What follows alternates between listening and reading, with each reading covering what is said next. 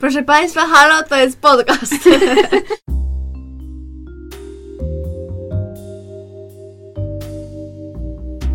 Witamy w bliskich spotkaniach szóstego stopnia. Podkaście o kulturze, ale głównie o zapomnianych, niezależnych i kultowych filmach. I o Kevinie Baconie. Proszę nas nie pozywać, panie Kevinie, my tu tylko sprawdzamy teorię sześciu stopni.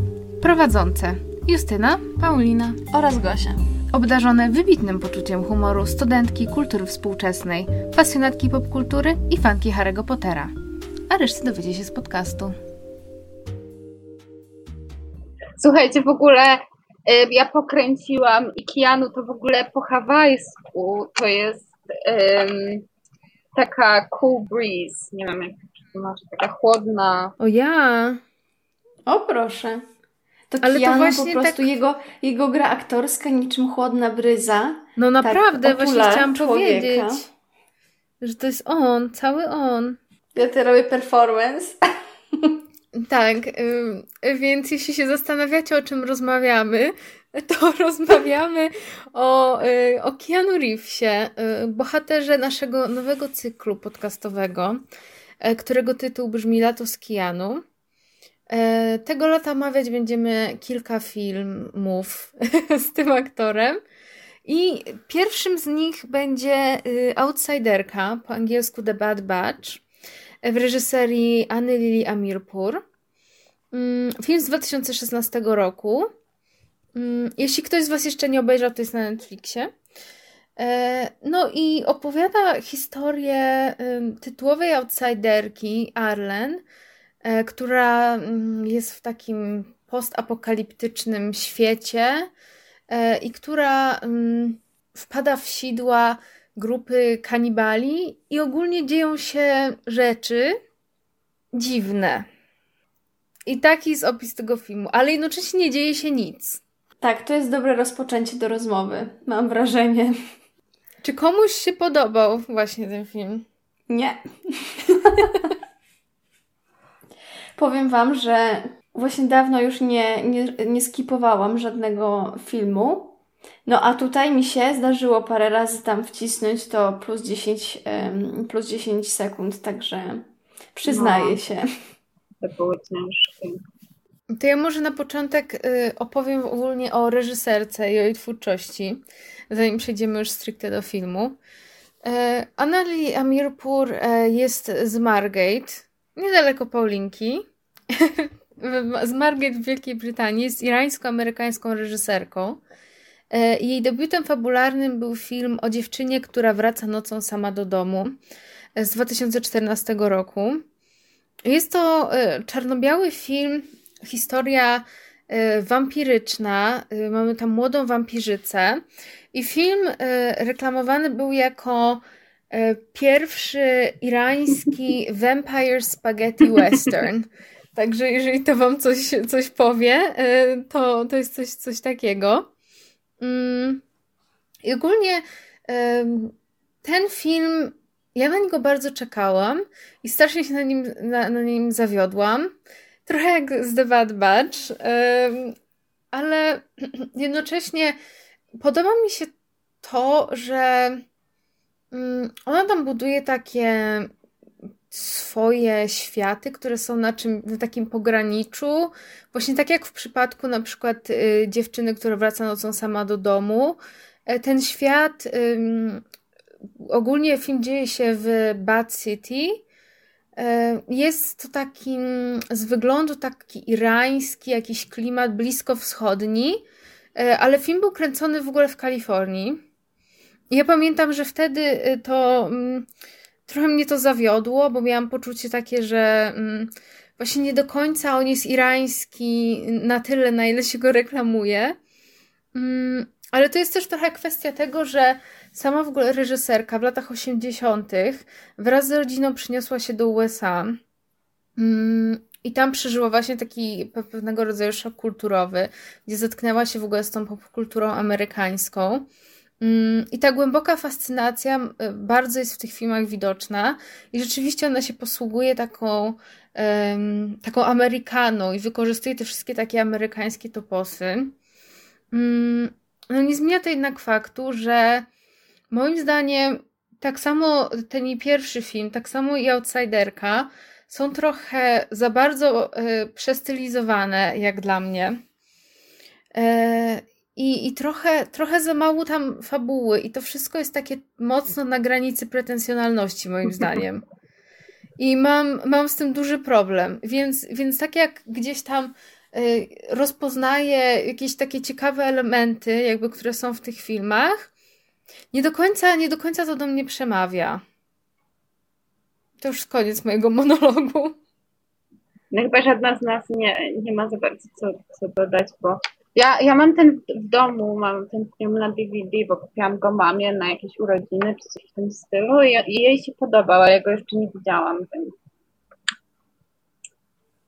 tyle mogę powiedzieć. Ale to jest właśnie to jest właśnie ciekawe moim zdaniem, że właściwie jakby porównać obydwa te filmy, to widać w nich takie wspólne elementy.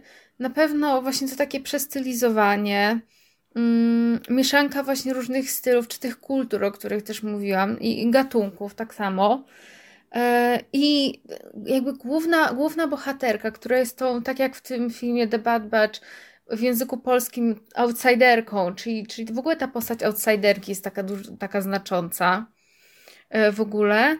Mm, I przede wszystkim muzyka, bo jest bardzo dużo muzyki, mhm. szczególnie właśnie w Outsiderce. Mam wrażenie, że tam jest piosenka A nie podobała po piosence. Mi się muzyka.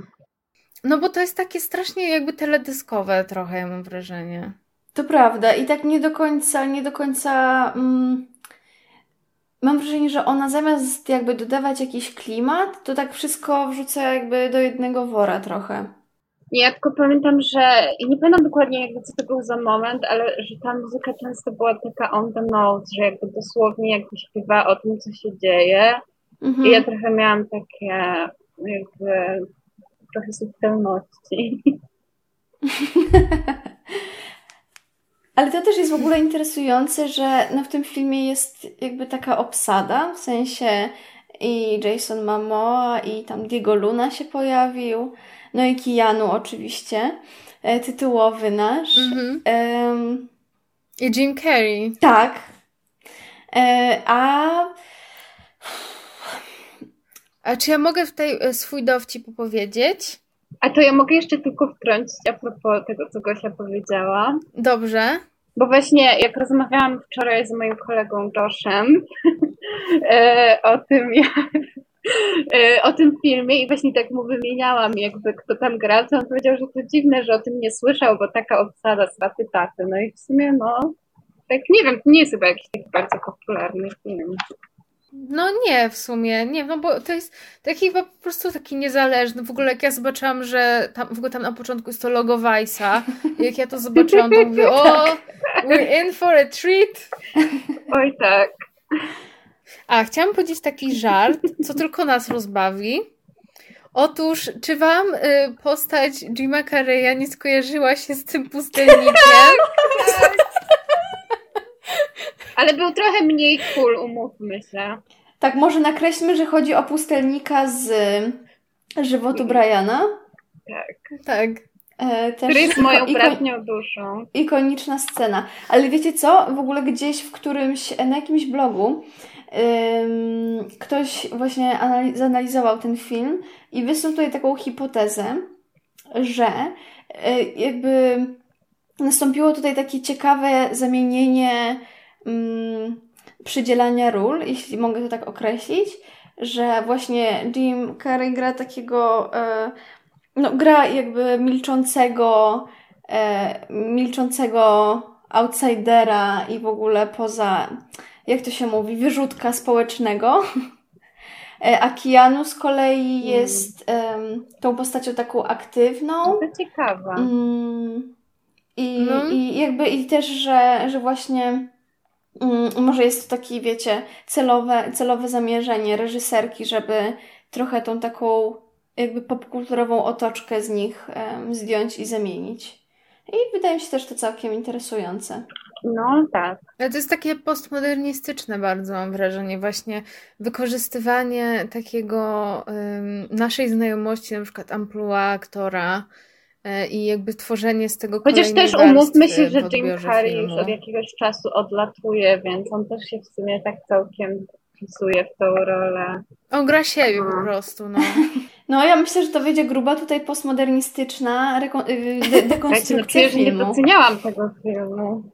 Właśnie też a propos um, postmodernistycznych i tak dalej, to mi się tak skojarzyło trochę z mm, ze slow cinema i wydaje mi się, że to nie jest do końca slow cinema, ale mm, takie przeciąganie różnych rzeczy jakby skupianie się na, na tym, na trwaniu, na chwili i, na, i taki martwy czas, jaki jest w tym filmie i dłuższe jakieś tam ujęcia i tak dalej. Wydaje Ja ogólnie, jak oglądałam ten film, to mi tylko przyszło na myśl, żeby go określić, że to jest Mad Max na heroinie. Bo tak, ogólnie właśnie... ten Mad Max to jest, to jest słuszne skojarzenie moim zdaniem. Heroina też. No bo to takie właśnie przyciągnięte, takie wydłużone, takie chill. I że mimo, że tam się jakieś takie rzeczy dzieją em, przemocowe, no wiecie, w sensie Mhm. takie violent, to, Mhm.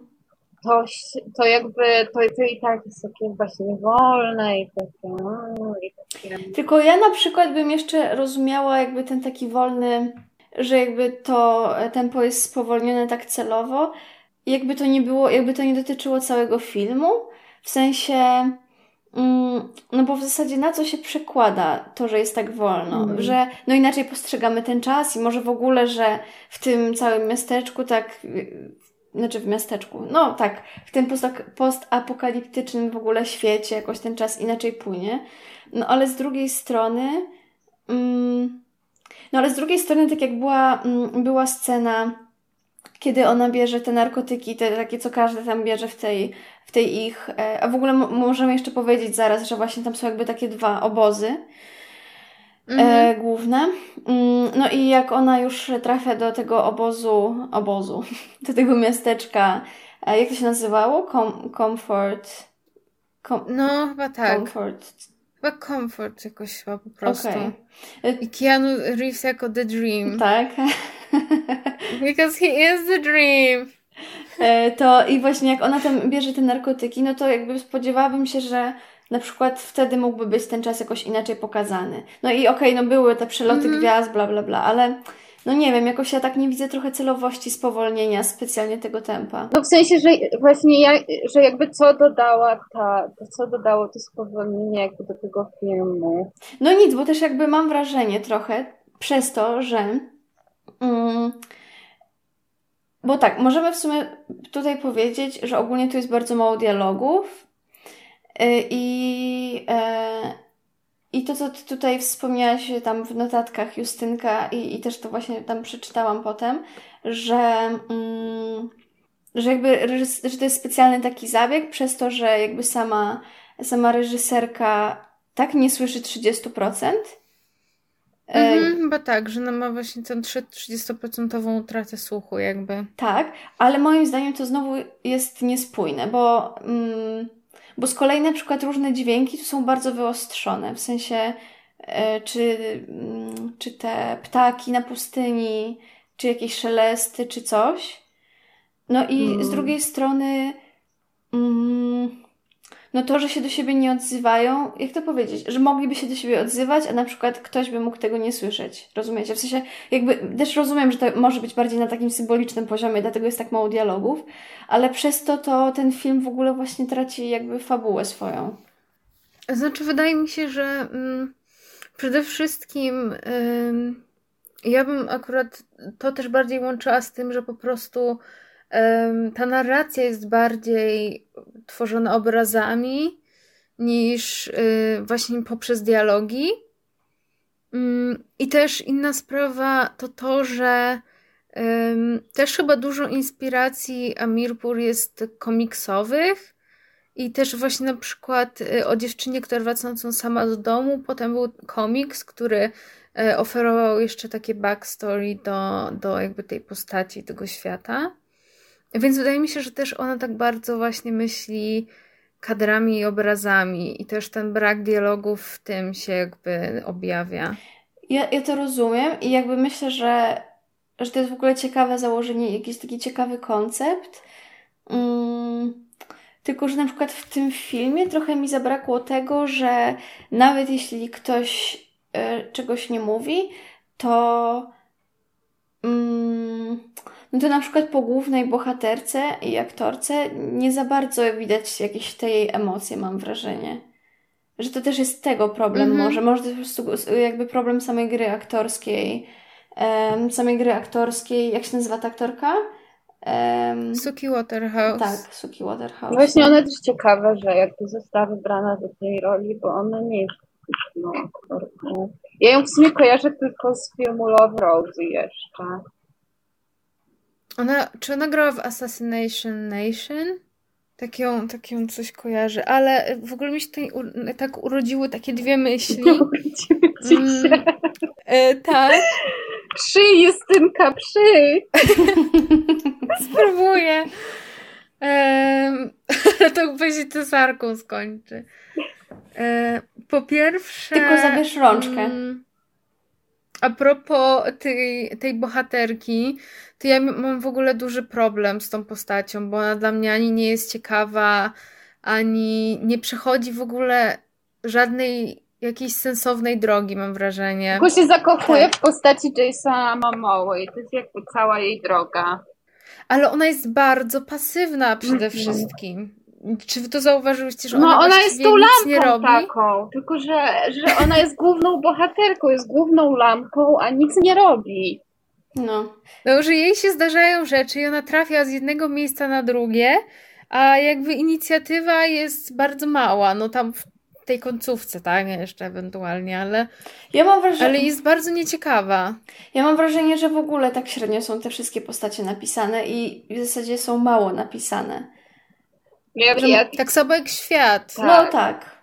tylko, tak. że w ogóle jakby ten koncept tego, że jakby jest jakieś takie, że jest więzienie, które jest jakby na pustyni, gdzie, e, gdzie jakby już jakby po prostu są zostawieni ci jakby ludzie, którzy tam trafili, żeby sami sobie ze sobą radzić, no to jest jakby bardzo, bardzo ciekawy koncept, ale no, no wykonanie jest takie... No bo to też jest, to też się może odnosić do tego, że właśnie, chociaż wiadomo, że ten film powstawał wcze- wcześniej, to wyszedł w 2016 roku, czyli początek prezydentury Trumpa i on, mam wrażenie, bardzo był tak odczytywany w tym kontekście.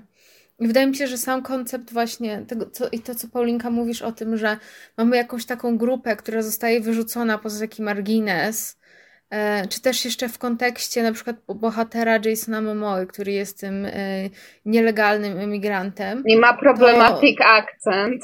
No właśnie to, to też, e, właśnie chciałam Cię zapytać, żebyś rozwinęła. No to wydaje mi się, że tutaj też jeszcze to można łączyć. No, ale nie no, bo ogólnie ja trochę w sensie no trochę mnie załamało, jak usłyszałam, jak, e, jak Jason Momoa zaczął mówić właśnie z, z kubańskim akcentem i, no w sensie nawet, bo on nie jest biały, ale jakby wciąż nie jest, nie jest Kubańczykiem i jakby to jest takie bardzo jeszcze bardzo stereotypowy był ten akcent, więc ogólnie ja się załamałam już, już bo to jakoś na początku filmu, jak on coś powiedział i on takie, o słyszę ten akcent, to już trochę tak na straty ten film spisałam. Ale w ogóle Mm. możemy też chyba powiedzieć o tej takiej scenie na początek, bo tak trochę, trochę skaczemy na razie. Tak zawsze. Ale tej, tej, tak, ale tej scenie, e, tej scenie, gdzie, e, gdzie ona trafia jakby do, mm, do tej wioski kanibali, do tej jednej z, z Mhm. wiosek właśnie i um, odrąbują, odpiłowują, odpiłowują jej Mhm. e, nogę oraz rękę. W ogóle oglądałam tą scenę i po prostu mm.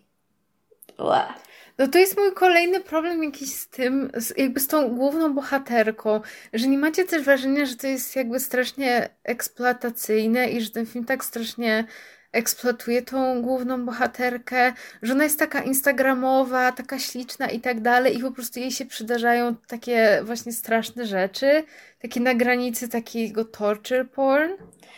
Tak, i jeszcze w ogóle ona jakoś nie reaguje na to. W sensie, na, mam wrażenie, że mi w ogóle zabrakło jakiejś takiej sceny, kiedy ona chociażby um, jakby już jest po fakcie tego odrąbania i tak dalej i i ona po prostu sobie tak jakby tam jest i no trochę, nie wiem, jest mhm. wkurzona, czy tam... Ale no za bardzo nawet tego nie widać, że nie wiem, jest jakaś w szoku albo w ogóle, wiecie, nie ma jakiejś takiej reakcji na to, co się znaczy, stało. Ja właśnie tak sobie myślałam, czy jakoś można tak e, powiedzmy pod względem polityki ciała, jakby to właśnie odrąbywanie i ten kanibalizm i jakby fakt, że no, Suki Waterhouse tak naprawdę jest modelką, nie jest aktorką. Ale właśnie, bo ja tak też tam, ona miała parę razy ten taki, co ja sobie w głowie nazwałam Megan Fox Belly, że właśnie jakby miała krótką koszulkę, wiecie, krótkie shorty i tylko brzuszek tam, wiecie, kamera na brzuszek. jakby to nie było aż do takiego stopnia jak Megan Fox w Transformersach, ale wciąż jakby był taki male gaze w stosunku do niej.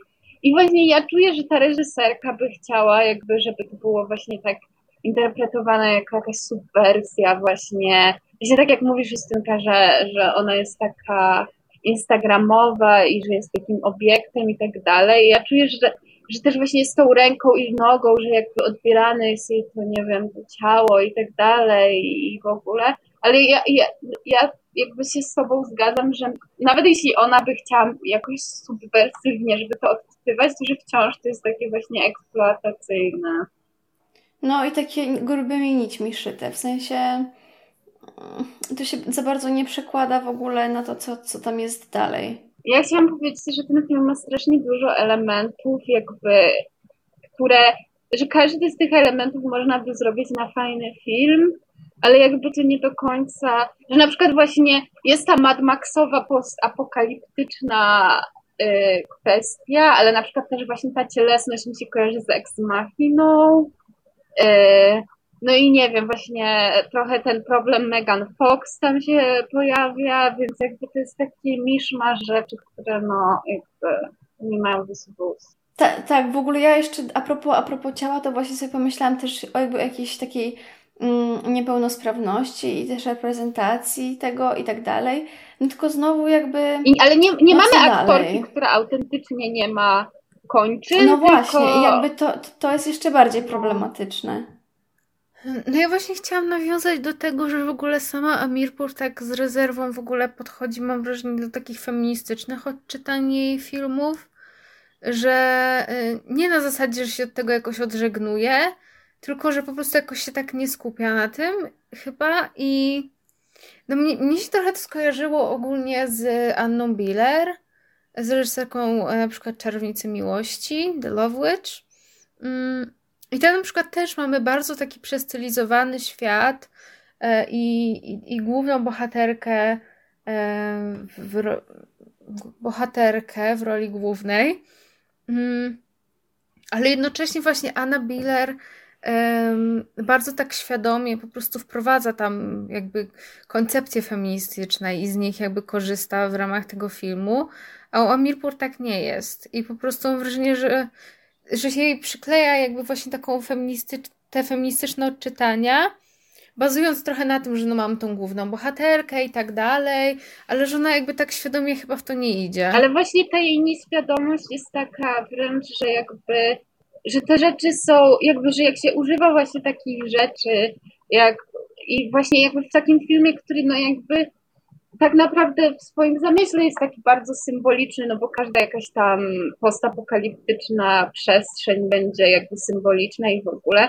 Więc właśnie od, jakby takie odrywanie się od tych aspektów um, feministycznych, czy no jakby jak się wprowadza w pewnym momencie właśnie, że ta cielesność, ten kanibalizm jakby mają duże znaczenie, no to jakby to, to jest po prostu trochę moim zdaniem lenistwo, żeby nie jeść to. I że jakby to co, chcesz stworzyć po prostu jakiś cool obraz dziewczyny jakby z, z protezą i bez ręki, czy jakby autentycznie chcesz, żeby to miało jakieś znaczenie?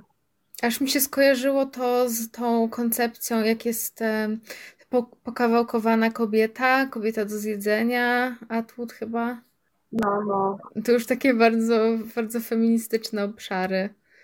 No i to jest właśnie trochę coś takiego, że bo nie chcę, żeby to zabrzmiało jakoś tak górnolotnie, ale y, chodzi mi o to, że no jakby dzieło ogólnie jest otwarte na interpretację i jakby trochę błędem jest y, no właśnie to, co ty powiedziałaś dokładnie, Paulinka, że używanie niektórych narzędzi, no też na takiej warstwie symbolicznej i tak dalej, a potem jakby takie trochę mm, zamykanie oczu na to i w sumie, że a, to to jakoś tak to, to nie było w tym zamyśle, albo nie wiem, że, że w sumie to, to się jakoś tam nie Znaczy, bo właśnie, tak bo jakby tak o ile jakby w sensie trochę to wygląda tak, jakby ona używała tej różnej estetyki tylko ze względów estetycznych, ale to jest trochę takie mhm. idiotyczne jakby robienie filmu, w sensie, że no jakby i co z tego wynika?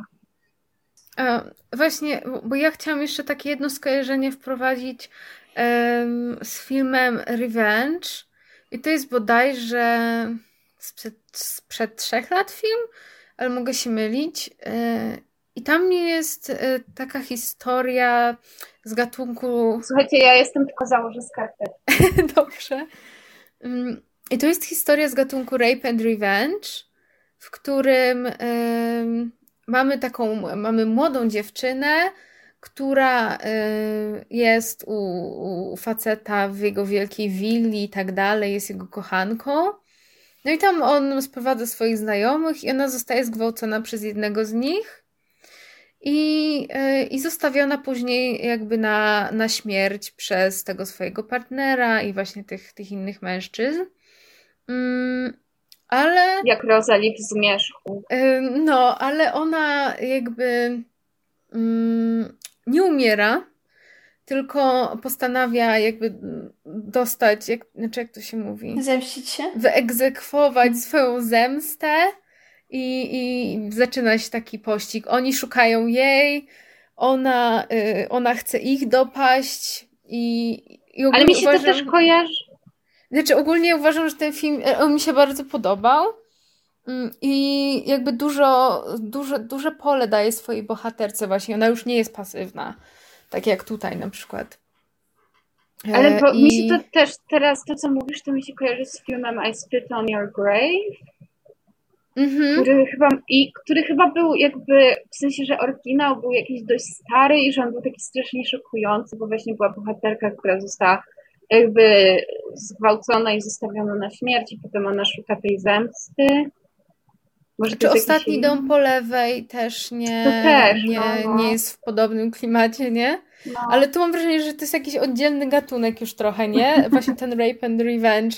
I możemy się zastanawiać ogólnie, czy taka um, podmiotowość bohaterki jednak wynikająca z tragedii, która ją dotknęła, jakby jest w porządku, nie?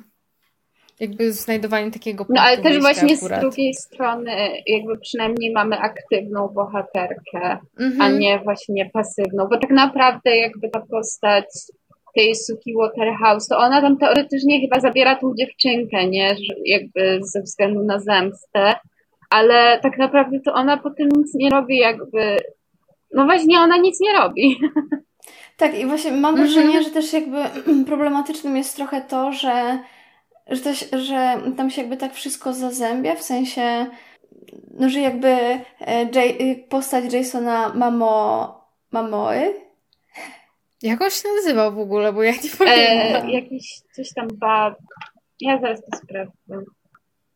W każdym razie, no, że ona jakby zjada, zjada um, no, zjada, tą, zjada jej rękę i nogę, ona zabija jakby e, jego żonę i zabiera dziecko, ale potem... E, Nazywa się Miami ale Man. Po... A Miami Man. Kurde, dobrze, nie Florida Man. e, tak, i potem, e, i potem mm, ona mu oddaje, w sensie oddaje, no to też tak sobie, no przerzucają się tym Ej, dzieckiem. ale to ja w ogóle nie skapowałam, że ona zabija jego żonę.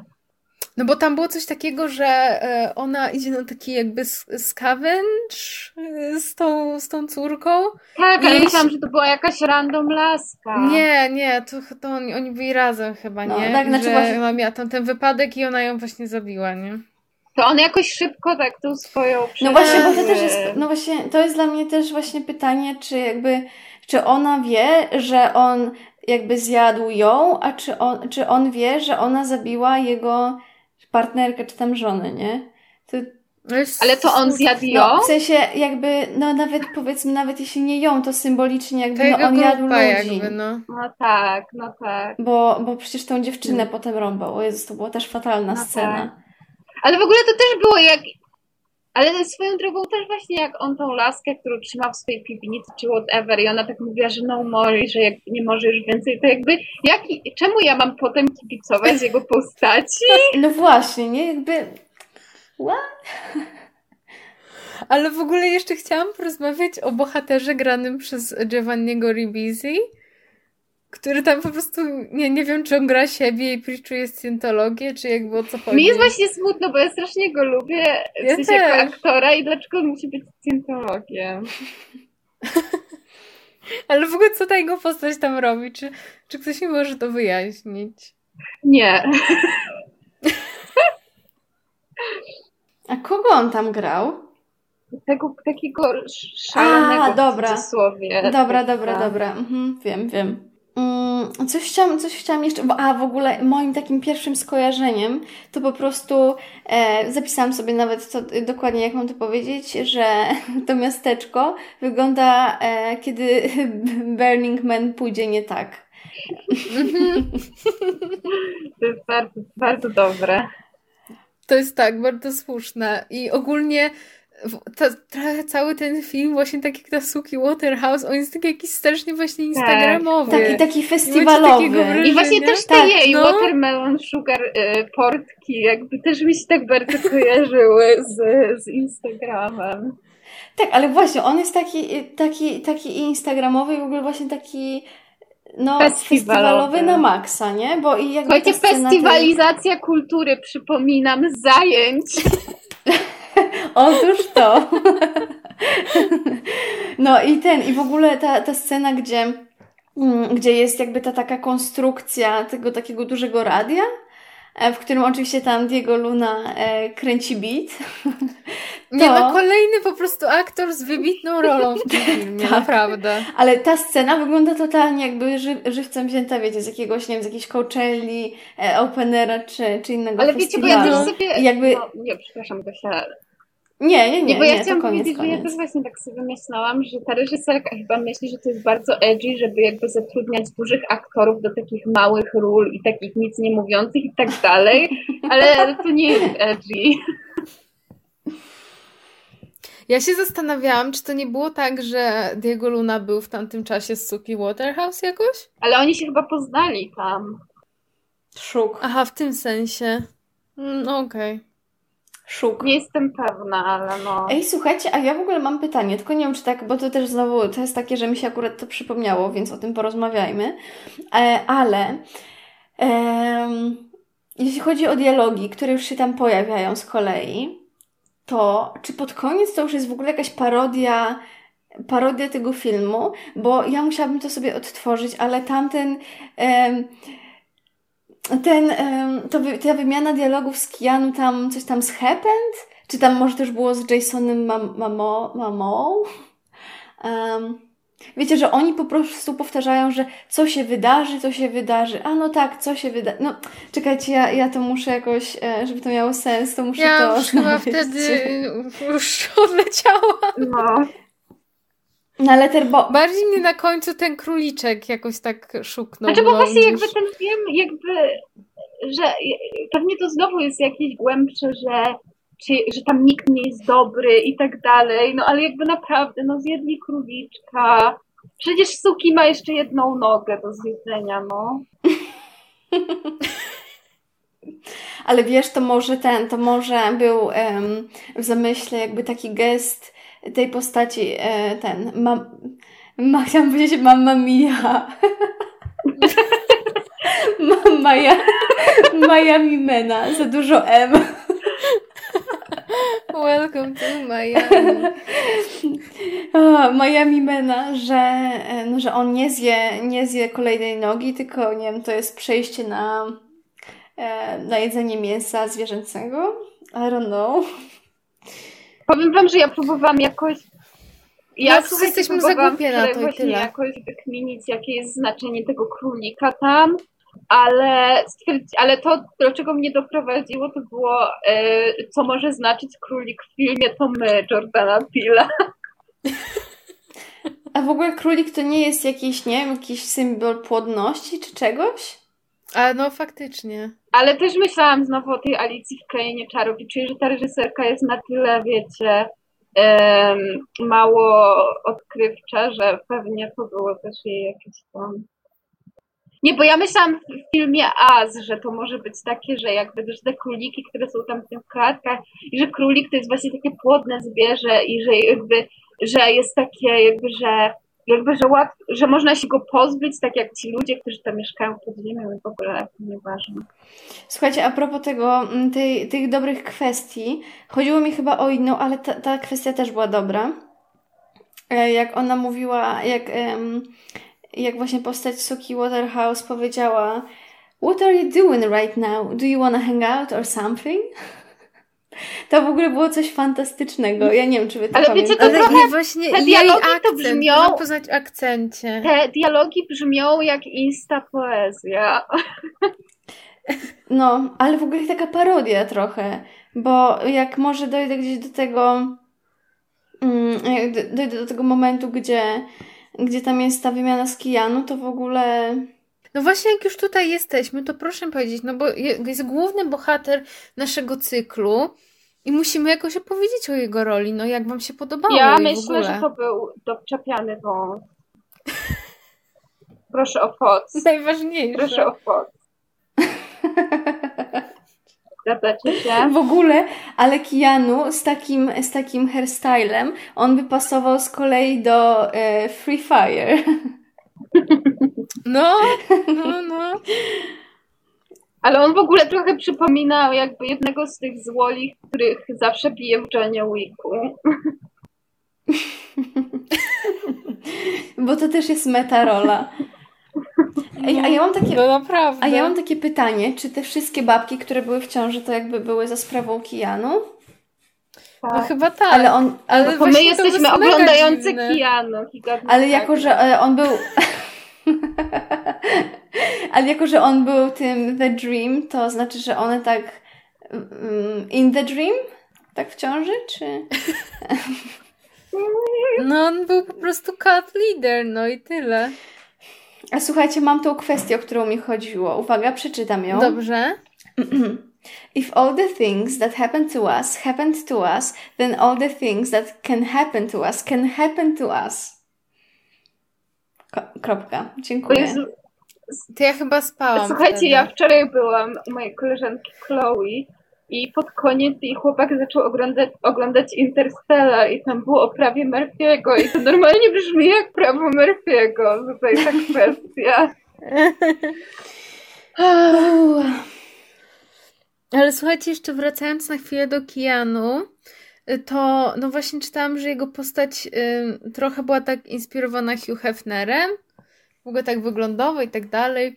No i czujecie właśnie, że ten taki dom playboya tam trochę, nie? Że ty właśnie Ale to już dziewczyny- jest tak jakby, jakby taki po prostu, że no jakby to jest tak oczywiste, że ja jakby mimo, że pewnie mi to gdzieś wleciało do głowy, że jakby zaraz mi to wyleciało, no bo to jest już tak oczywisty znak kulturowy, że jakby ten szlafroczek, ten harem kobiet, że jakby no please, trochę oryginalności.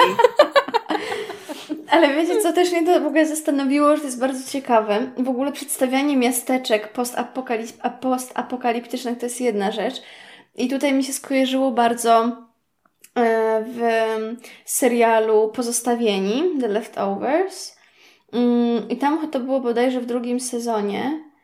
E, I, I jakby też właśnie cała ta konstrukcja tego miasteczka. No może to nie było postapokaliptyczne, ale powiedzmy, że podobne, podobne Ale to też, czy to też nie było na pustyni? Czy ty myślisz o jakby tym... Bo mi się to kojarzy teraz, jak mówisz o tych leftovers, jak tam ten czarnoskóry typek miał to na pustyni gdzieś tam, te żony.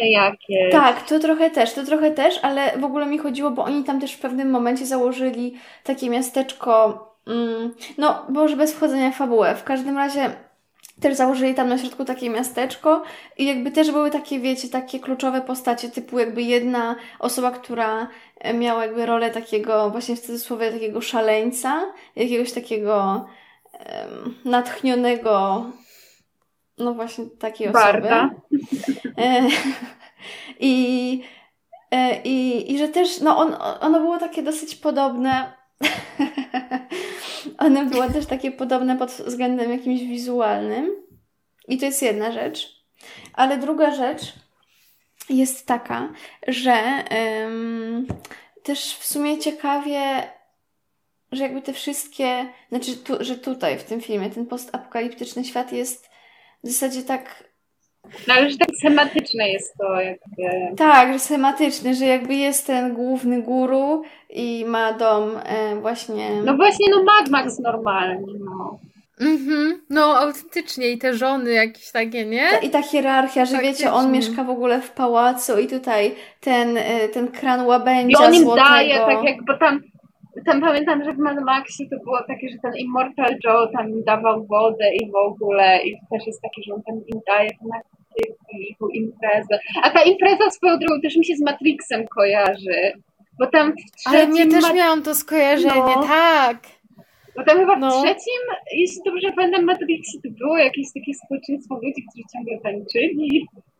Mhm. Ja Ale to też w ogóle ym, mi skojarzyło się też z, z taką ambientową estetyką w filmach, czyli takim właśnie przede wszystkim mm, skupieniu na takich bodźcach zmysłowych bardziej i, i, na takich neonowych, nie wiem, światłach czy coś. I to w tej scenie mnie tak też bardzo tak uderzyło. Tak, ale... ale no faktycznie Matrix, a jeszcze przepraszam, tak wejdę słowo Paulinka, ale też to e, właśnie twoje skojarzenie z Mad Max Fury Road jest myślę też o tyle zasadne, że znowu mamy trochę tak, że mm, jest tam ta dziewczynka, którą e, bohaterka Suki Waterhouse musi wykraść jakby od tego głównego gościa złego, Mhm. trochę jak właśnie jak w Mad Maxie, nie? No. Ale też na przykład mam problem trochę z tym wykradnięciem jej, bo w zasadzie tam znowu nie ma żadnego konfliktu na, na zarysowanego. W sensie to po prostu idzie tak, wiecie, wszystko jak po maśle, nie? Bo po prostu ona jakby mm, bierze, jak nie w zastaw, tylko jak to się mówi, że mm, Zakładniczkę bierze. tak, właśnie, w Boże. Bierze, zakład... bierze zakładniczkę, e, wyjeżdżają i w sumie spoko, każdy się tam godzi i w ogóle Keanu mówi, no trochę się zawiodłem, myślałam, że jesteś dobra, jesteś zła. A czy możemy porozmawiać o przemowie Kijanu, o kanalizacji? To jest chyba najlepsza rzecz. Wiecie wszystkiego. co? Mi się z tym kojarzy, bo ostatnio sobie z moim kolegą Joshem, o, teraz mój kolega Josh to będzie czwarty członek podcastu, ale z moim kolegą Joshem sobie oglądaliśmy Brooklyn, Brooklyn Nine-Nine ostatnio i, ten, i tam jest taki wątek, że na Halloween y, tam Laska widzi, że y, nie, to nie było Halloween, ale w każdym razie Laska widzi, że jeden z jakby uciekinierów z więzienia poszedł do kanalizacji i ona tam, ale nikt nie mówi tam po polsku, ona mówi po polsku i ona cały czas tam kanalizacja. I to właśnie był Kiano, który mówił o kanalizacji.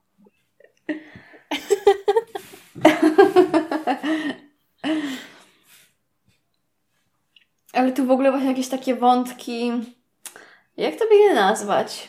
Mm, że kto ma kanalizację, ten rządzi? Kto, no, A to, to mi się, słuchajcie, teraz kojarzy z taką książką postkolonialną, którą czytałam, ale to jest już dłuższa, dłuższa um. Ale no to jak już zaczęłaś, to muszę powiedzieć. Bo właśnie czy, czytałam taki, taką krótką, to nawet nie była do końca książka, tylko jakby taka nowela, która jakby jest chyba, w sensie, że jest jakby napisana ym, o, o jakby ym, przemyśle turystycznym na Karaibach i tam właśnie jest taki wątek, że jakby że ta laska pisze do turystów, że myślicie, gdzie idzie wasza kupa, że do tego morza, w którym się potem kąpiecie i tak dalej. Więc tak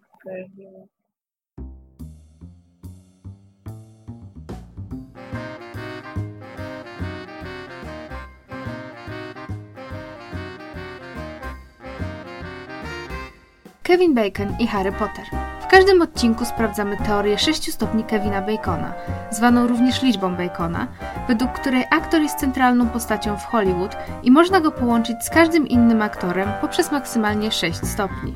Oprócz tego, w każdym filmie szukamy nawiązań i połączeń z sagą J.K. Rowling o przygodach pewnego młodego czarodzieja.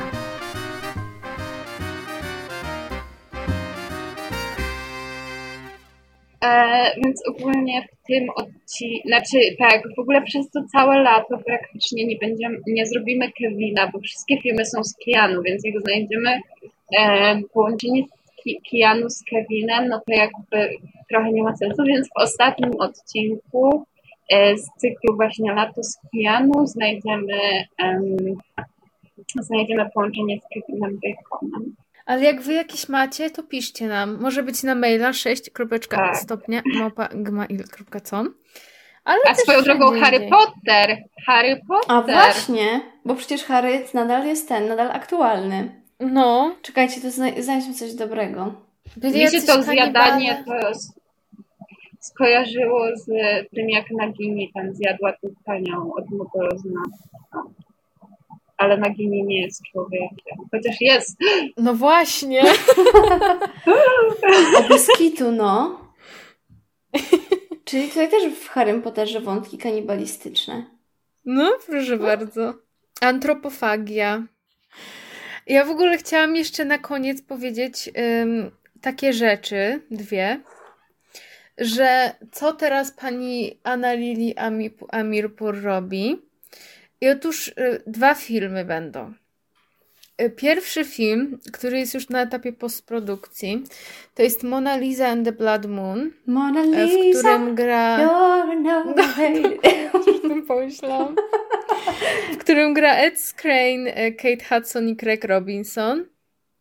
I to jest o młodej dziewczynie, która ma specjalne zdolności, która ucieka z takiego zakładu, jakby takiego mental asylum, coś w tym stylu. I to jest film taki mm, inspirowany filmami przygodowymi z lat 80., 90., więc no obejrzę pewnie, pe- pewnie mi się nie spodoba, ale obejrzę. E, drugi film e, to jest e, reboot e, filmu Cliffhanger, e, który będzie w całości jakby z kobietami, z aktorkami. Czyli taki, wiecie, tak jak Ocean's 8 i tak dalej. A y, Cliffhanger ogólnie to jest taki film z 93 roku z Sylwestrem Stallonem i z Johnem Lithgowem, z Michaelem Rookerem, naszym kochanym. E, jest tam wspinaczka, wysokie góry i kradnięcie pieniędzy. Hashtag ciekawe. No.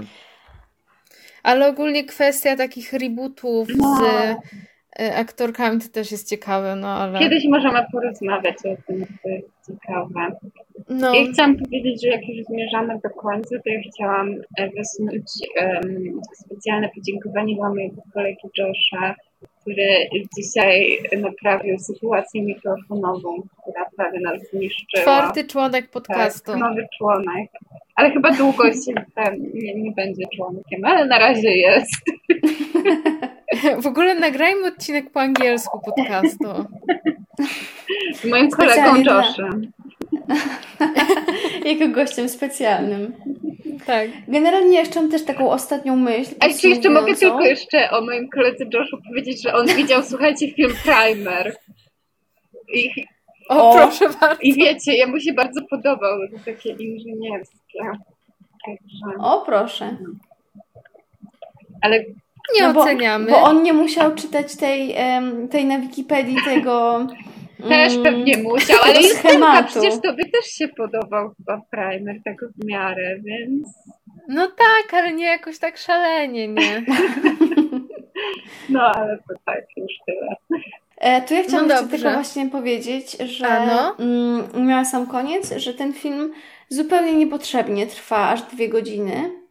Też tak uważam. Mm, I myślę, że takim pozytywnym aspektem e, możemy, możemy zakończyć, ale jeśli wy na przykład wytrwałyście bądź wytrwaliście, a może nie musieliście wy, wy, wy może nie musieliście jak to wytr, wytr, chwilo trwa. Tak, e, bo Wam się podobał. To też, to też dajcie nam Jezu, znać. słuchajcie, może ten film jest taki wydłużony, bo to właśnie nawiązuje do doktora Faustusa i tego chwilo trwaj. O matko. No, ale jeśli Wam Jak się też tak podobał... uważacie, to piszcie. Tak, tak, przyjmiemy z chęcią Wasze, e, wasze mm, opinie na ten temat. Tak. Piszcie w komentarzach na YouTubie, dajcie łapki w górę, Subskrybujcie. subskrybujcie, szerujcie, Maila. piszcie komenty na fejsie i na Insta nas śledźcie, bo tam są takie super rzeczy, mówię wam. E, I maila na 6 cferką, kropeczka, stopnia, małpa gmail.com. Ja wiem, że już raz było, ale wiecie, nadal Nigdy wys- nie za nie, dużo. nie wysła... Tak, nadal nie wysłałeś nam i nie wysłałaś nam słuchaczko, słuchaczu maila. Chciałam powiedzieć. So do it now. Czy jesteś zadowolony, A, przepra- zadowolona z siebie? A przepraszam, ja chcę tylko powiedzieć, że w ogóle jeśli ktoś bardzo lubi słuchać naszych głosów, to Gosia miała specjalny występ w, w dniu otwartym SWPS-u, więc jeśli ktoś chce obczaić jak to było, Tak. to pewnie w którymś momencie to się pojawi na YouTubie, więc e, zapraszamy. Ale ja nie wiem, dlaczego tutaj jakaś taka... Nie wiem, dlaczego tutaj Paulinka próbujesz już drugi raz obchnąć jakoś tutaj e, moją reklamę. Albo reklamę mnie Ej, właśnie! To jeszcze a propos reklamy. Zapraszamy do sklepu Uli, by ci tworzyć. Tak, to, to nie jest w ogóle, to nie jest w ogóle odcinek sponsorowany, ani to nie jest lokowanie produktu, po prostu to jest dobra wola moich przyjaciółek. A kiedy Bi zrobi nam merch? No, może jakaś ten, może jakaś Kola, seria z ufolotkami. I z Kola UFO. No naprawdę. No to co, ko- kończymy, żegnamy się. I oglądajcie koniecznie następny film, bo e, w kolejności dalej jest e, Moje własne Aega. Tak. I kiedy się spotykamy? Za dwa tygodnie. Za dwa tygodnie, tak. Dobrze, to mówiła do Was Justyna. Paulina. Oraz Gosia. Pa, pa. Pa!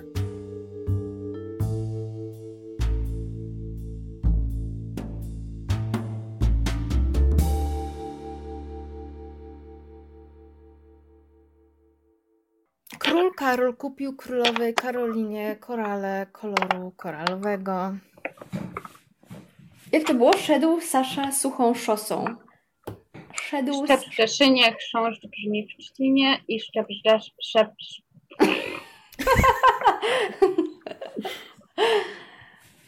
Ja w ogóle, słuchajcie, dawno nie składałam długich zdań po polsku. Ja nie wiem, jak to się dzisiaj skończy. Już Paulinka jest już English. No tak, no ja już jestem Brytyjką, wiecie, zaraz, No, zaraz wyjdę za tego Brytyjczyka i zgarnę obywatelstwo. I no tyle. właśnie, to ja to tak przeczuwam. A, i No, oczywiście tak robimy klasku, klasku. Ja jestem kamaluję pasmo. No przepraszam, dobra, już nie. No.